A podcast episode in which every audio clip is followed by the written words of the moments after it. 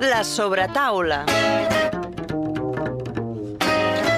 Hoy en Empanada Cultural estamos de celebración. Dos añazos en antena y que dos años, madre mía, entre pandemias y todo. Y qué mejor que hacerlo junto a Bea Casas, que está aquí a mi lado, y con unos primerizos en eso de, los cumpleaños, ¿no? Que son los chicos y chicas de la editorial Astiberri, que cumplen, bueno, la friolera de 20 años, ¿no? Que acabo de decir que al final son como nuestros dos años, pero un cero, un cero no vale nada, ya sabemos, o sea que son más o menos igual. Y nada, al otro lado de la pantalla nos acompaña Laureano Domínguez, editor y socio de Astiberri. Así que, Laureano, gracias por estar aquí en nuestro humilde aniversario. No, gracias a vosotros por invitarnos y ya ves qué bien llevo los 20 años. bueno, de hecho, o sea, si vemos en, perspectiva, ¿no? 2001 empieza esta, podríamos decir incluso esta auténtica odisea en el espacio negativo, ¿no? Que es el mundo del cómic. Empezasteis con esta revista Trama, ¿no? Y más adelante pues llegaron grandes títulos como pueden ser Arrugas, María y yo, Blankets, ¿no? Y luego una infinidad de títulos nacionales, internacionales. O sea, incluso podríamos mm, mirarlo todo desde una perspectiva numérica, ¿no? que sería 751 títulos en catálogo, 300 autores y autoras publicados, 184 títulos en digital y 20 países sí, para nosotros, de los mejores catálogos de cómic que hay, vamos, pero de largo, de largo. Eh, leímos una frase vuestra de un compañero tuyo, de Fernando Tarancón, que decía que todavía no tenía muy claro qué, era, qué significaba Stiberry. Y era una de las preguntas que os queríamos hacer. No sé si lo tenéis muy claro, pero bueno, dejando de esto a un lado, lo que sí que tenemos claro nosotros es que en el catálogo que tenéis, de la cantidad de proyectos, están para gustos y estilos muy distintos, es decir, tenéis un catálogo muy, muy amplio. Es intencionado, ¿qué buscas Tiberri como editorial? Mira, la verdad es que yo creo que lo más importante es hacer un poco de intermediarios entre los autores y los lectores. Y entonces nosotros somos también lectores y encima pues mira, estamos desde yo, que estoy a punto de jubilarme, sin jubilarme, vamos, que no, pero que estoy en edad de jubilar, y Fernando, y Eloís, y Javi, y Manuel, que son todos mucho más jóvenes, y bueno, yo creo que viene un poco del equilibrio de, todo de todo eso, ¿no? De que nos hemos encontrado un grupo de gente con, con gustos dispares, pero quizás eh, con una exigencia de calidad que creemos que es lo más importante. Lo que más nos importa a la hora de buscar un libro es que sea lo mejor posible. ¿no? Y si algo hemos tratado, no sé si lo hemos conseguido, pero si algo hemos tratado es que si un día el listón lo tenemos aquí, al día siguiente hay que ponerlo un poco más arriba todavía. O sea, no vale decir, a partir de aquí seguimos no, ahora realmente dices, bueno, es que hay un montón de libros buenos. Bueno, pues entonces vamos a buscar los mejores. Sí, sí, sí. Y, se nota. No ¿eh? es fácil, no es fácil, pero bueno. Y yo creo que otra de las cosas que más me gusta de, de, nuestra labor como editorial es que a nosotros se han acercado muchos autores porque les ha gustado lo que hacemos, porque se identifica bastante con la idea que del tipo de cómic que quieren hacer es una cosa que, si os habéis fijado en estos 20 años, ha dado un vuelco tremendo, ¿no? De los clásicos álbumes de las 48 páginas, que era lo que se hacía mayoritariamente, pues te encuentras como uno de nuestros primeros títulos, que fue Blankets y que era un tocho en blanco y negro de 600 páginas. La gente pensará que es un, un gran hallazgo, y lo es, pero fíjate, surgió un poco de la casualidad, porque nosotros, claro, para nosotros hacer un libro de 600 páginas en 2004 aproximadamente, que es cuando lo hicimos, era, era una tarea de titanes. Y entonces la idea era sacarlo en cuatro tomos. Entonces se nos ocurrió proponer al Salón del Cómic de Barcelona que invitaran al, autor y lo invitaron. Y entonces dijimos, bueno, pues si viene, habrá que hacer el libro entero. y, bueno, como, como muy nos dijimos, pues lo hacemos. Te tenemos que decir que nosotros empezamos leyendo esa edición, cogida de una biblioteca, y acabamos comprando la edición nueva de Blanket. Sí, Sí, sí. Porque de hecho, en el caso de Blankets, ah, claro, el inicio, él mismo, Craig Thompson, ya decía, ¿no? Que, que, que ya era difícil el tema de, de hacer un cómic casi primerizo, ¿no? En ese sentido, de tantas páginas, pero sin ser números, o sea, sin ser. Eh, o sea, se, lanzó al vacío, ¿no? Dijo de, de voy, a, voy a hacer mm, sin límite lo que a mí me apetecería sin pensar en, en, en, Hostia, antes lo publico en un periódico, ¿no? Antes. O sea, me, o, sea, me juego. O el, tipo, o el tipo de público al que va, porque yo creo que que antes no sé si había algún tocho así, eh, concebido como un libro único originalmente y que salir ahí con 600 paginazas y, en fin, la verdad es que funcionó muy bien.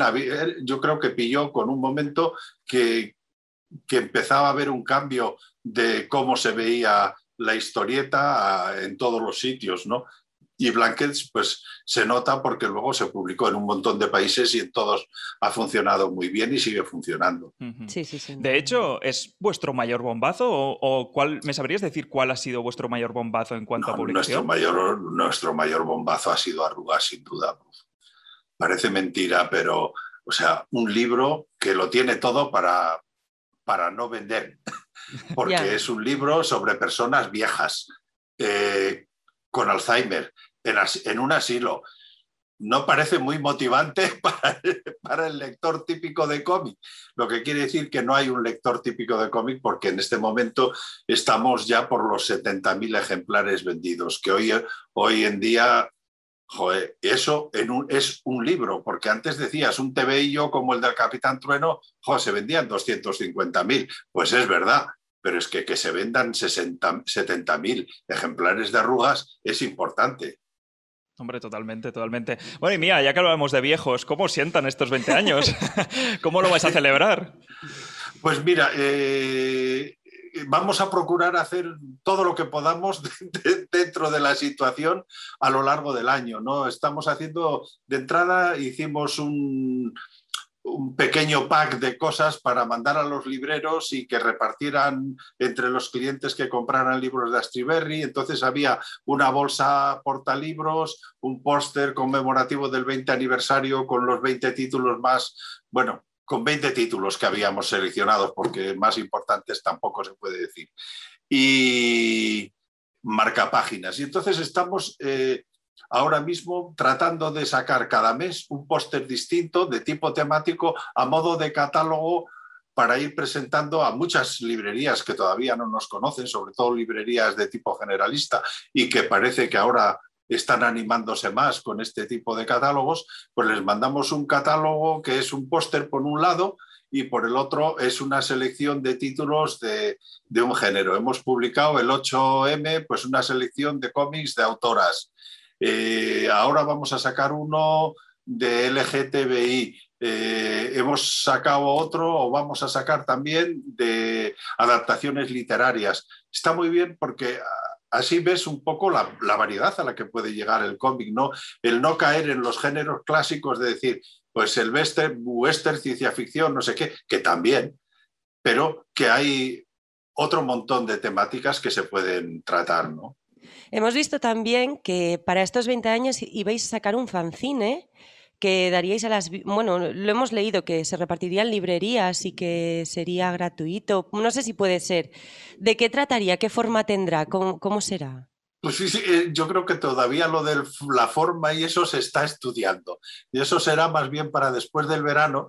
Lo que hemos hecho uno de los días era hacer una reunión por Zoom, como es habitual durante el último año, y, hablar un poco de estos 20 años y de anécdotas y contar historias. Y Víctor, que es el responsable de prensa, fue tomando un poco nota de todo eso. Entonces iremos mezclando fotografías con anécdotas de cosas que nos han pasado pues aquí, o en, salones, o cuando hemos ido a Angoulême, en fin, mil, mil historias que son divertidas y que, pues para que la gente nos conozca un poco, porque la verdad, Astiberri nunca nunca ha intentado por eso ponernos delante de la editorial nosotros. O sea, la que va delante es la editorial. Nosotros vamos detrás empujando. Y Ah, aquí nosotros somos de Barcelona y, hace tiempo que hay como un boom ¿no? de, lo que serían fanzines, salones, o sea, convenciones de cómic, pues sobre todo underground, ¿no? O sea, todo el tema, ya no solo autoedición, sino este, este, esta faceta del autor, de e, esa faceta que hay mucho, creo, en España, ¿no? Que es el autor, guionista, dibujante, ¿no? Y todo esto.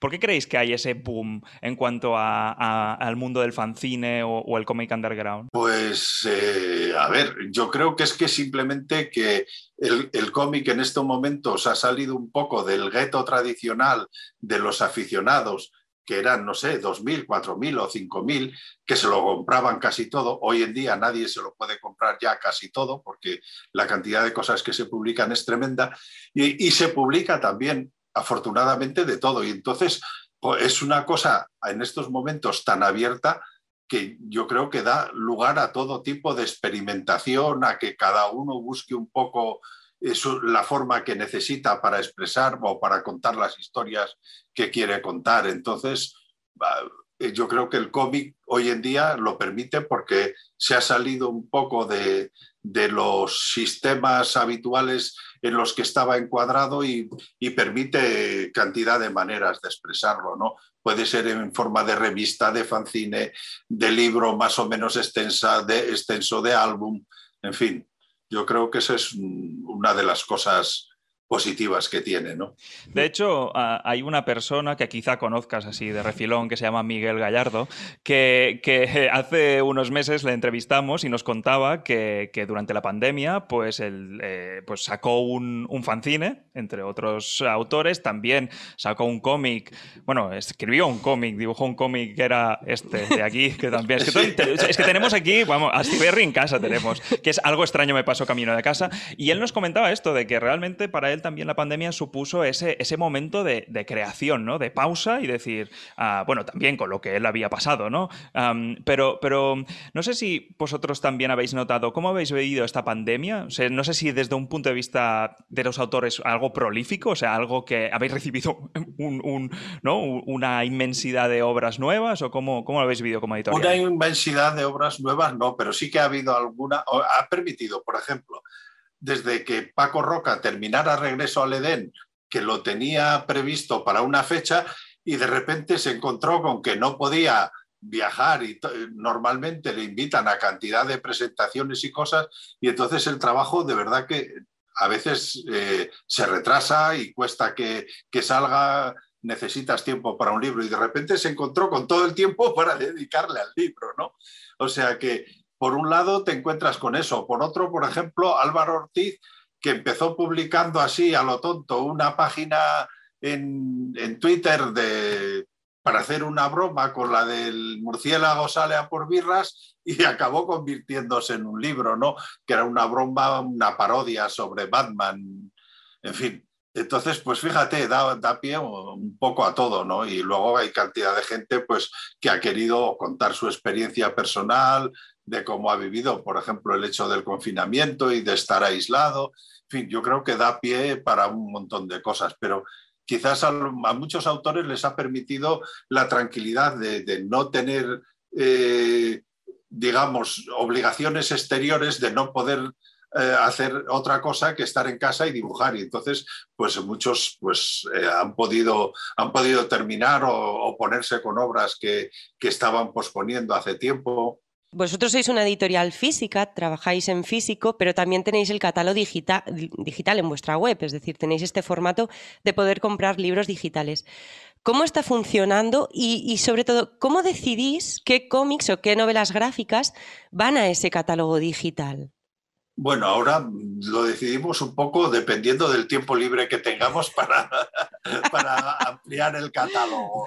Es decir, hacemos lo que podemos pero eh, tratamos de ampliarlo todo lo que podemos ahora. Antes no, podíamos dedicarle tanto tiempo, ahora hay una persona que está dedicada no exclusivamente a ello, pero sí que, le dedica más tiempo y entonces estamos ampliando más el, catálogo digital, ¿no? Pero aún hoy por hoy la diferencia es muy, muy grande y el, el soporte papel vamos, sigue, sigue siendo dominante, pero de una forma impresionante. O sea, ha habido, eh, con la pandemia se han notado un aumento en las ventas de, los libros digitales, pero eh, no, salvo los dos meses del confinamiento, no se ha notado tanto en la venta de libros físicos. En ese sentido, hemos tenido un año bastante normal, vamos a decirlo así. Vale. Ah, de hecho, hay dos títulos que, corrígeme eh, si me equivoco, pero hay dos títulos que son Blackhead, Ironhead y, y Universo, que claro, son, son dos cómics que venían del digital, pero venían de un portal web que es el Panel Syndicate, que, es un, sitio que, tú puedes leer cómics, descargártelos con donaciones o incluso gratuitamente, pero que luego lo absorbisteis, ¿no? Lo, lo traspasasteis a vuestra, a, vuestra editorial. Entonces, ¿en qué momento decidís también, como, como estos dos casos, de que, hey, esto lo vamos a, a coger, lo vamos a maquetar o lo vamos a, no sé, lo vamos a editar en físico, incluso también en digital, ¿no? Pero ¿en qué momento decidís algo que ya existe, entre comillas, digitalmente, a, ¿no? bueno, eh, acercarlo? eso fue a Albert Montéis, ya no es el primer libro suyo que publicamos, y nosotros, vamos, hasta ahora la impresión, también debo decir que hay bastantes libros aparte de Universo, y de los libros que tenemos nosotros en digital, hay muchos otros en digital que no deberían estar. que alguien los ha escaneado y están ah, disponibles. Es decir, que a pesar de que hay muchos libros que están disponibles, la gente se sigue comprando el libro físico. Entonces, por ejemplo, hemos, una de las mejores comprobaciones que hemos tenido ha sido precisamente estos dos títulos que mencionabas, que resulta que están ahí, la gente se los puede descargar incluso gratuitamente el que no tenga dinero, y resulta que a la hora de publicarlos han funcionado muy bien, lo que quiere decir que la gente sigue valorando mucho el soporte papel, le gusta tener el libro en la mano y no es lo mismo pues estar pasando las paginitas en una pantalla que tener el libro, pues es que eh, ese, si se cuida bien eh, a la hora de, de editarlo, pues es un objeto que merece la pena guardar. Nosotros procuramos que los papeles que utilizamos para imprimir sean papeles de, alta calidad, de mucho gramaje, que sean duraderos, o sea, no es, no es de usar y tirar como el periódico, ¿no? Entonces, pues eh, es lo que supongo que hace en buena medida que, la gente, a pesar de todo, pues siga teniendo interés, le da, le da un valor extra a, al, libro de que se trate, ¿no? Aún así, yo leo también muchísimo en tableta, pero yo creo que son, hoy por hoy son dos soportes perfectamente compatibles. Y por otra parte, el digital, pues la verdad es que los ingresos que produce son marginales en este momento. Bueno, y vosotros también sois los responsables de haber llevado novelas, eh, novelas nuestras, novelas gráficas nuestras al extranjero y también de haber traído novelas de autores extranjeros a, nosotros, ¿no? Eh, ¿Cómo se trabaja? Es decir, ¿trabajáis en comunicación con editoriales? ¿Se trabaja directamente con el autor?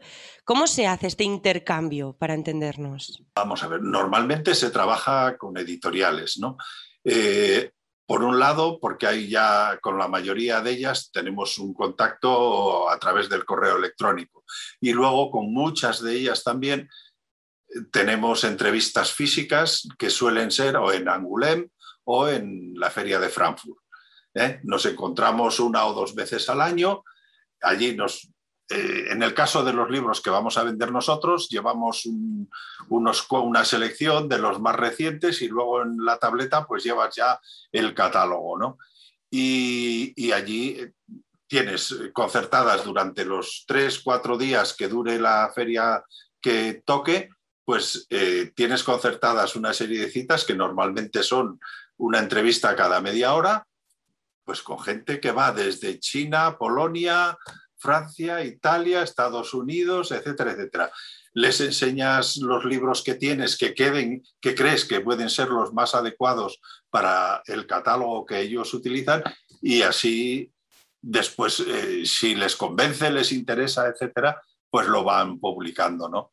Nosotros, al revés, es, es, el mismo proceso. Tenemos también en los mismos salones entrevistas con editoriales que nos ofrecen los títulos que van a publicar ellos entonces, los que vemos más adecuados para nosotros, les pedimos que nos manden un PDF, nos los leemos en la editorial y, entre todos decidimos un poco eh, qué títulos seleccionamos para publicar.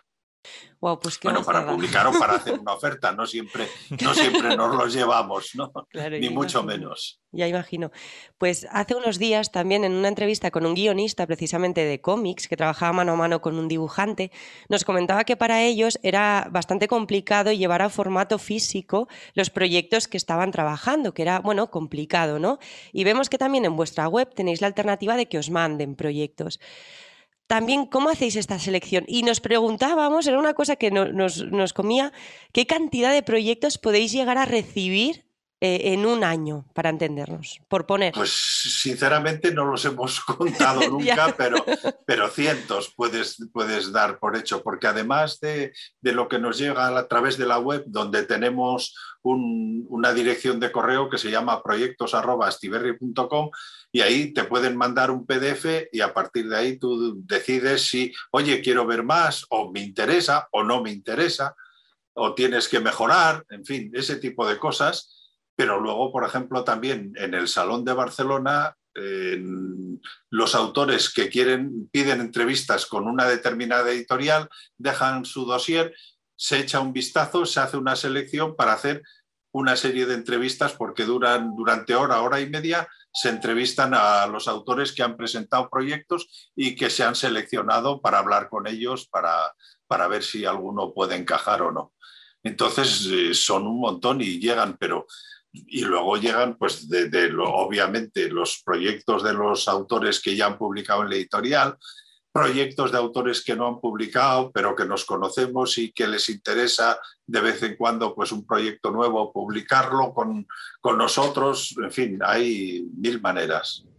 Mira, ahora que sacas esto de, que recibís masivamente, seguramente, ¿no? Todo, tipo de material, mm, realmente, ya, y ya que hablábamos de Gallardo o de Blankets, ¿no? estas obras autobiográficas, o sea, se ve como que hay mucha autobiografía también últimamente en el cómic. Bueno, siempre la ha habido, pero parece que más últimamente. ¿Cuál es la fina línea entre, para vosotros, de criterio, la fina línea entre saber que una, la vida de una persona es súper interesante o es un coñazo, ¿no? O sea, ¿qué, qué momento? Pues mira, simple, es de verdad que es sencillo, para nosotros al menos. Es decir, te lo lees y si te gusta y disfrutas y te ha interesado y has pasado un buen rato, triste o alegre o emotivo, yo qué sé, eh, con esa lectura, pues esa es un poco la línea. Para nosotros lo importante es que nos guste como lectores, ¿no? Entonces es cierto que hay vidas que dices, bueno, pues igual todavía necesitas vivir un poco más para contarlo. Otros como Craig Thompson, que ahora está preparando una especie de continuación o revisitación de Blankets contando uh. su, infancia que es lo que, algo que no salía en Blankets, que es como el tío se, trabajaba en, el campo ayudando a sus padres en, en, el campo de los vecinos eh, que, se dedicaban a la cosecha del ginseng. Por lo visto, en la zona donde era Craig Thompson se, había unos cuantos agricultores que se hicieron ricos cultivando ginseng para China, para exportar. Y de niño, eh, Craig y su hermano y su familia, todos trabajaban en esos campos y explica un poco esa vida. Es más, es más que todo eso la historia, ¿no? Pero revisita un poco todo eso y, ya verdad, no sé por dónde veníamos, de cuál era la pregunta original, de por qué nos De, los, de las vidas coñazos. ah, sí, es verdad, de lo de las vidas. Y entonces dices, bueno, Craig todavía tiene cosas que contar que se dejó en el tintero de aquello, y si Blanques era interesante, esta no lo es menos. Y hay otros también, como, como el caso de Frederick Peters, que eh, en Píldoras Azules es que te deja así. Cada, cada dos páginas se te cae la mandíbula, ¿no? De sorpresa, ¿no? Y está muy bien. ¿Y cómo es capaz ahora? Precisamente hemos sacado, no sé si fue el mes, el mes pasado, Oleg, que es una especie de continuación de Blankets. Y dices, jolín, ¿hasta dónde llega? ¿Qué capacidad tiene ese hombre de mostrarse por dentro? Porque no todos somos capaces de decir, lo que nos pasa por la cabeza o, no o queremos hacerlo. Y este, hombre, tampoco digo que salga todo ahí, pero eh, sí que se desnuda bastante, ¿no? Entonces, ves que ahí lo que cuenta sí que es interesante. ya está, yo como lector, a mí eso sí que me interesa. Es posible también que haya otros lectores que eso no les diga nada. ¿eh? Craig Thompson llegará un momento que llegará a sacar un cómic de cómo hace el cómic, porque hay un momento en su vida que solo hace cómics. no te extrañe. Hombre, a Bibi, a Bibi es ya más pura ficción. Sí. Y el Ginseng, pues es una mezcla de, libro de ficción con no ficción, porque cuenta también pues, toda la tradición de dónde viene la importancia de la raíz del ginseng, la importancia industrial, lo que supone en Estados Unidos, en la zona donde él vive, el cultivo del ginseng. O sea, mezcla todo eso con su experiencia personal. Está, a mí el libro me está gustando mucho y después de, de Blankets, pues da gusto el retomar eso y, y que veas que te cuenta cosas que se había comido, como que en Blankets no cuenta que tenía una hermana, que aquí sí que sale. Es verdad, no sale la hermana, solo sale la casa, pues, claro, no sale pues la hermana. Sí. sí. pues aquí ya sale la hermana y habla con ella explicándole, bueno, si te parece bien que no estuvieras en el libro, tal, claro, y más, claro, y más con esa relación tan, tan, tan unida a su hermano y el protagonismo que tiene su hermano en Blankets, que, que la hermana nos haga es curioso. claro, pero por ejemplo ahí lo explica muy bien porque Claro, la hermana le dice, es que vosotros erais dos chicos y tenían, tenían entre ellos una, una complicidad que ella no tenía. Ella tenía unos intereses y ellos tenían otros completamente distintos. Entonces eran casi dos mundos apartes. No es que se llevaran mal ni nada, simplemente es que tenían muy poco en común. Y a veces pasa entre hermanos. En este caso, Phil y Craig eh, sí que tenían cosas en común, pero en otros puedes ver tranquilamente que no tienen nada, que cada uno hace su vida y no tienen nada en común. Pues mira, recuperando una frase también de otra editora de Astiberri, en este caso Eloís, uh, que dice así, Astiberris es que gente que no había leído cómic en su vida se vuelva adicta que el tema de la vejez pueda llegar a ser trendy y la certidumbre de que leer TVOs te hace mejor persona. Entonces, eh, cogiendo el guante de esta, esta frase, yo te pregunto un poco, es, una pregunta un poco trampa, ¿eh? casi te digo. O sea, hay, un, hay un tipo de cómic que ahora mismo ha acercado a mucha gente a este mundo, que es el tipo de cómic de superhéroes, en el sentido de todo lo que se ha, llegado a adaptar de Marvel, de DC, ¿no? en, el cine, en, en, series, ¿no? en televisión. Em, no sé hasta qué punto este, ¿no? este redescubrimiento del mundo del cómic ahora mismo a partir de los superhéroes em, ha ayudado mm, al mundo del cómic en general o, realmente ha desplazado el resto de historias? No, eh, a ver, no, no, yo creo que el, tema de los superhéroes no ha ayudado en, general, ni, no ha ayudado, ni ha dejado de ayudar, quiero decir, a, que se acerquen estos nuevos lectores. Lo que ha ayudado que se acerquen estos nuevos lectores es que el cómic rompa un poco esa barrera y, por ejemplo, deje de hacer el típico, la típica serie que tiene el mismo héroe durante 40 álbumes casi repitiendo las mismas o parecidas aventuras, ¿no? Entonces, que de repente el tipo de obras que se hacen se identifican más con, una novela.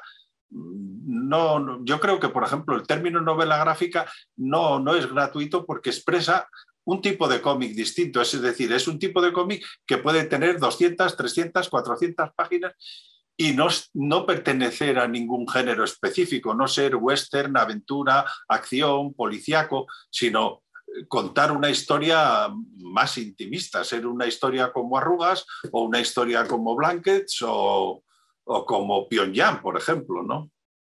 Entonces, eh, ese era el fin también nuestro desde un principio, el llegar a un público que no leyera habitualmente cómic. Y entonces, para eso tienes que publicar un tipo de cómic diferente que le pueda gustar a la gente y le pueda interesar a ese lector. Y muchos decían, ay, es que yo no sabía que se podían contar historias como la de arrugas, por ejemplo, en cómic. Pues sí, efectivamente, sí que se puede, y como esa, y como, y como, como Pyongyang, como Píldoras Azules, como, como Blankets, o sea, son historias de, todo tipo, pueden ser de género o no ser de género, pero sí destinadas a un público que, tiene otra capacidad de, percepción, no, está no están destinadas a los niños, ¿no? Buscas un público más culto. Y es cierto que nos han dicho en más de una ocasión, dicho, yo es que no soy lector de cómics, pero soy lector de Astiberri. Digo, bueno, pues bienvenido, fíjate. Esto es muy bueno, ¿eh? Eso, eso, bueno, la verdad es que te hace sentirte tremendamente orgulloso de lo que has hecho, ¿no? Que te lo digan. Y, que, y, ver como veíamos en muchos salones, uno de los grandes carencias del cómic ha sido la, presencia o la presencia muy limitada de mujeres, tanto como creadoras como lectoras. Como lectoras yo lo entiendo perfectamente, porque con cantidad de cosas que se publicaban es lógico que no les interesara. Pero de repente con este, con este tipo de cómic eh, se está llegando a otro tipo de lector y de lectora y de repente pues le puede interesar a más gente y ver en más de un salón que toda la fila que está delante mirando libros son todo chicas, pues la verdad es algo que también nos hace sentir muy contentos porque es decir, esa es una de las cosas que pretendemos con, la intención de que el cómic llegue a la mayor cantidad de gente posible. Yo no, lo hago para que lo leamos cuatro que pertenecemos a una capillita, sino para, para compartirlo con, con historias buenas con la mayor cantidad de gente posible. Totalmente. Mira, de hecho, el, gran arte que siempre se dice que, abarca más gente que es el cine, tenemos, habéis publicado a Matadero 5, que es una, una adaptación, bueno, podríamos decir que es una tercera adaptación, ¿no? Que es como un, un, camino que viene de un libro, luego en el cine en los 70, creo, 80, y luego ya en cómic, ¿no? De hecho, lo tenemos aquí. Parece que te estemos haciendo un peleteo, que hemos venido de la tienda a comprar todo, pero no, esto lo tenemos, lo vamos... Lo tenemos de verdad. Bueno, de hecho lo he firmado y todo. Lo vais ¿eh? pillando, ¿no? no, pero pero ah, te lo digo porque al final Matadero 5 creo que también es una muy buena contraposición a este cine, que yo personalmente también vi la película, también hace muchos años de la película, pero, pero creo que es una adaptación súper buena y muy bien pensada, además de la mano de Montéis, que también pues deja su marca, ¿no? Entonces, sí que hay la, variante inversa, ¿no? Que podríamos verla en arrugas, ¿no? Que son mm, cómics que se han adaptado también a la gran pantalla. Entonces, mm, la pregunta es, ¿cuál crees que sería ahora mismo una buena adaptación? de un cómic vuestro? Hay unas cuantas, que, pero que están todavía en, opción y entonces no sé si acabarán cuajando. Lo más seguro, y a mí me parece que puede ser una serie bastante interesante, es la del Tesoro del Cisne Negro de Paco Roca, que es, es la historia más tintinera que podía hacer Paco Roca, porque es muy, es muy el tesoro de Raca en el Rojo, ¿no? Recuerda, recuerda un poco a eso y me parece que por lo que he estado viendo de imágenes pinta muy bien que Alejandro Amenábar ha sabido pillarle el tranquillo, que va a meter, por ejemplo, una cosa que encarece mucho esta producción, que es algo que, claro, para Paco dibujarlo es una cosa, pero que es la parte que ocurre en el hundimiento del barco. Del... Entonces, eso lo puedes dibujar y te cuesta exactamente el mismo dinero que, dibujar el resto del libro. Pero claro, al hacer una, una, película, una serie de televisión, pues meter barcos en el mar y hundirlos y una batalla naval, pues es bastante más caro que un grupo de gente charlando en una sala, ¿no? Y en, en fin, que parece que lo ha conseguido y va a tener, pues es una cosa que ha procurado cuidar, por lo que he leído, para que en 10 minutos van a explicar esa parte que es importante para luego todo el resto de la historia, ¿no? Entonces eso ocupa 10 minutos en uno de los capítulos. En fin, yo creo que va a ser un, que es una de las series interesantes, pero es que por suerte hay, hay más proyectos. Ahora está, saliendo, está en preparación eh, la segunda temporada del vecino y en opción están pues cantidad de series como García, de, Santiago García y Luis Bustos, está, están Los Surcos del Azar, está La Balada del Norte de Alfonso Zapico, o sea, hay cantidad de títulos que una u otra productora tienen opción y las están moviendo. Apareció. Apareció el gato. Y, que una u otra productora eh, las está tratando de llevar a cabo para que luego las veamos en alguna plataforma, ¿no? Entonces, bueno, pues eh, ahora es, difícil decir porque hasta que no esté hecho, vamos a ver, a ver qué, hacen en cada caso. Bueno, porque es difícil, el resultado no siempre es de, es de es a gusto de todos, ¿no? Pero esperemos que sí, en este caso, en estos casos. Esperemos.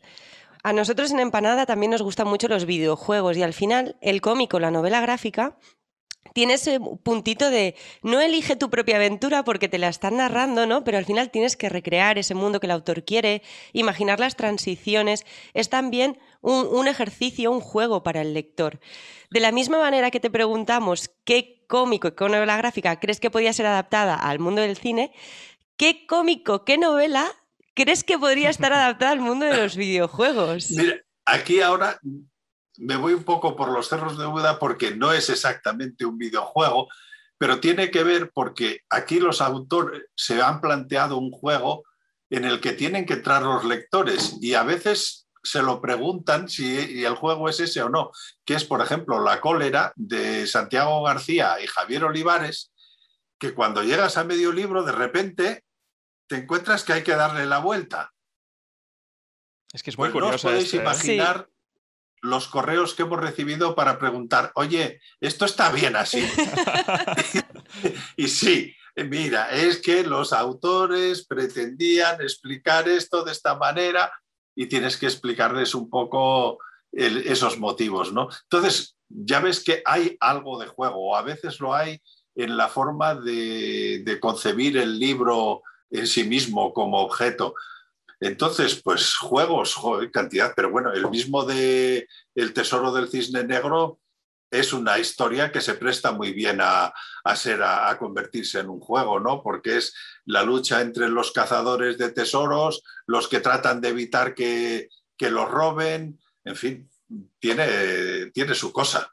Sí, sí, sería un poco Mo- Monkey Island, ¿no? Monkey Island, sí, un poco aventuras gráficas, total, sí. Sí, Y, luego, si hablamos ya de premios, porque hemos hablado de muchos títulos y tal, pero sí que es verdad que en cuanto a premios también, también tenéis muchos. ¿Cuál es el, que más ilusión os hizo conseguir? O si tenéis incluso alguno que digas, ¡guau! Este tenemos que ir a por este. Bueno, mira, sinceramente nunca hacemos nada para ir a por ningún premio, ¿eh? de verdad. O sea, ninguno de los libros que hemos hecho, afortunadamente, yo creo que lo, lo bonito es que los premios hayan venido porque hay, hay libros que se lo merecían. Y si hemos merecido más, pues me alegro un montón, ¿no?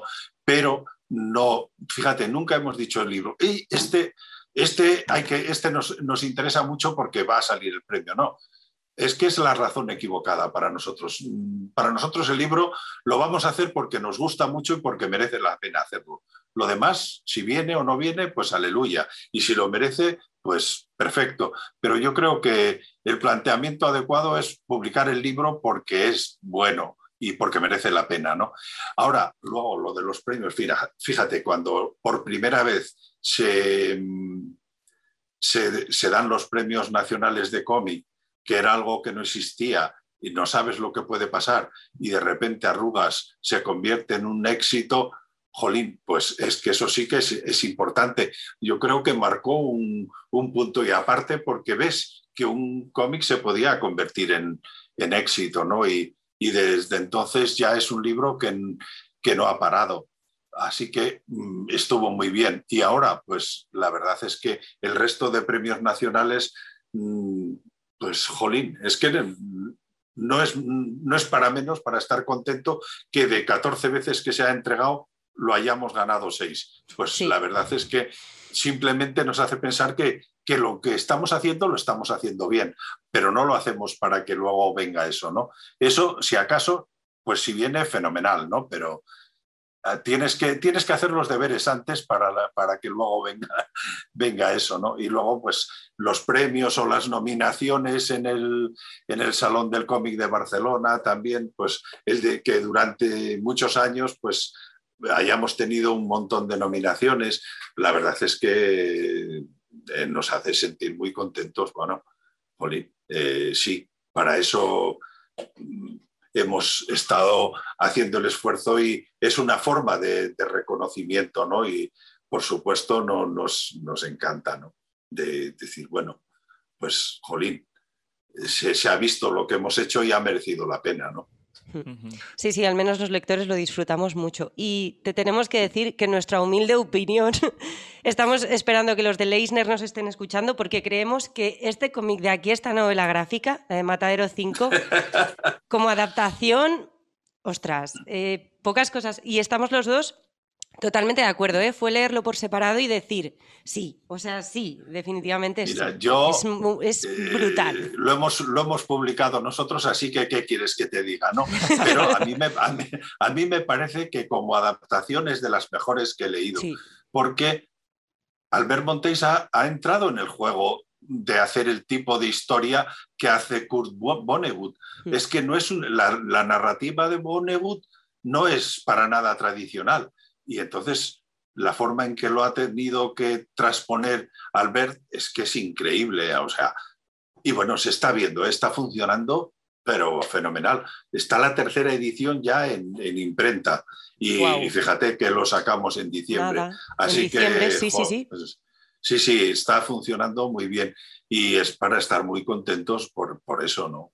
Y por cierto, ahora está haciendo el segundo de Universo. Y a mí, por ejemplo, como lector de ciencia ficción, no puedo estar más contento porque es que me recuerda a los clásicos de ciencia ficción que he leído siempre, como Robert Sheckley y un montón de autores eh, de esta línea, que se ve que ha tenido ese tipo de influencias, pero luego pues las ha adaptado a, su gusto, a su forma de verlo hoy. Y es, me parece divertido, emocionante, está, me lo paso muy bien con, ese tipo de historias, ¿no? Y así que saber que está ahora también dándole caña al segundo tomo, pues, en fin, es para estar contentos. Hombre, tú dirás. Y, luego, ya que hablábamos de, de, los 20 años ¿no? de Astiberri, ¿cómo veis el futuro del cómic? O sea, en sí como, como editorial, pero también cómo veis el futuro del cómic. Es que se acaba de caer el gato. Es que lo hemos visto aquí de refilón y madre de Dios. Bueno. Suele pasar, suele subir a donde no debe. bueno, volviendo a la pregunta, que... recuperando estos, estos 20 años de Astiberri, ¿cómo veis el futuro del cómic, incluso los 20 años siguientes? Pues es difícil decirlo de verdad, pero yo creo que eh, el cómic todavía seguirá teniendo durante bastante tiempo, eh, el soporte papel seguirá teniendo buena acogida, porque es que es verdad que ya a principio, hace 20 años, a principio cuando salió Astiberri ya en el mundo literario se estaba hablando de que iba a llegar el, el libro digital y que iba a desaparecer el soporte físico. Y 20 años después, eso todavía está muy lejos. Aunque en Estados Unidos se venden bastantes, todavía no se venden más que libros impresos. ¿no? Y yo creo que el cómic aporta un plus en el diseño, en el dibujo. No es lo mismo imprimir, o sea, en la pantalla todos los cómics que vayas a leer los vas a leer igual.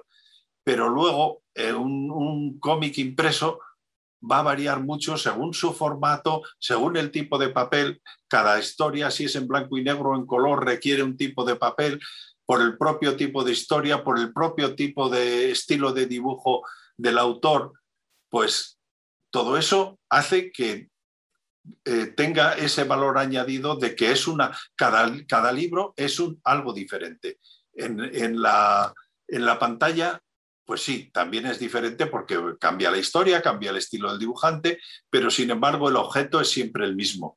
Y en cambio impreso va a cambiar el formato, no es lo mismo tener un apaisado como Universo de Montéis o, El regreso al Edén de Paco Roca, o tener un libro como Matadero 5, o tener un libro grande como La cólera, o como el Beowulf, o en fin, ahí eh, juegas con los formatos, los tipos de papel y claro, pues como a la gente que le gusta eh, la lectura, sea de, libros, de, novelas, o, de no, de ficción o no ficción, o, de cómic, pues le gusta el, objeto, le sigue gustando el objeto libro. Y ya para terminar, ahora sí, ah, ah, solemos a, la gente que entrevistamos pues pedir un consejo, sobre todo para la gente que nos escucha o no, nos vea por YouTube, que, que, es un... O sea, cuando hemos entrevistado a autores de cómic, hemos, les hemos preguntado, ¿no? ¿Cómo se empieza, no? O sea, ¿en qué momento te decides y dices, hasta aquí, ya, ya, se ha terminado mi primera obra, ¿no?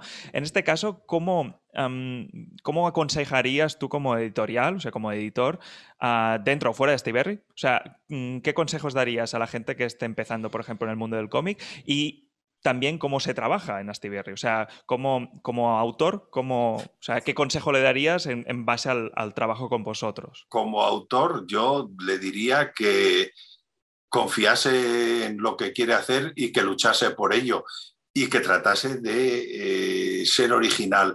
El tratar de buscar la moda de, oye, es que ahora está de moda que se hable, hacer cómics transgénero.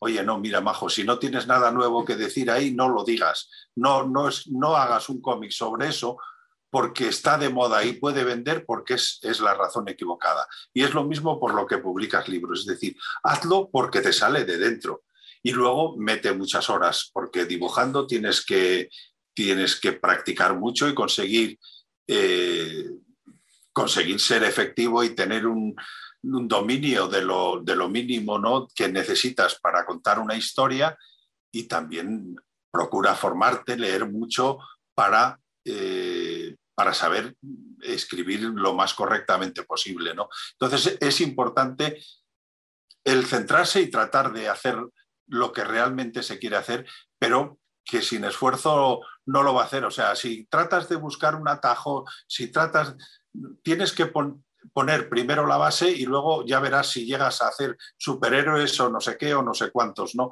Porque tienes esos sueños. Pero primero quizás no pienses en, en eso, sino piensa en, ser el mejor dibujante posible, en fijarte mucho en lo que tienes alrededor y, tratar de plasmarlo. Creo que tiene que ir más por ahí que por mirar la meta lejana porque te va a, hacer olvidar lo que tienes que hacer para, para llegar más lejos. ¿no? Siempre trata de ir subiendo los peldaños, de pelear en cada momento, de ser lo mejor posible y, y luego lo demás casi siempre vendrá. O sea, yo lo último que me esperaba era poder estar en un sitio como Astiberri y ser uno, más de, la editorial y no es, eh, en fin, y he estado en editoriales grandes y he estado muy a gusto. Y, vamos, han sido unos momentos como para mí personalmente muy, eh, muy efectivos, muy de, disfrutar de lo que estaba haciendo, de decir, hasta aquí esto quería hacer. Pero luego vino a Stiberry y resulta que había algo más. Y yo eso no, no me lo había planteado nunca. Y cuando llegó, pues dije, ahora sí. Y ya está. Entonces, lo que tienes que hacer es un poco prepararte para cuando llegue la ocasión, ¿no? Bueno, Laureano, muchas gracias por estar en nuestro aniversario y, nada, que Astiberri cumpla 20 años más. Muchas felicidades. Ojalá, muchas gracias y vosotros que cumpláis muchas veces dos años más o muchas veces más dos años más. bueno, pues gracias. Muchas gracias. Gracias a vosotros.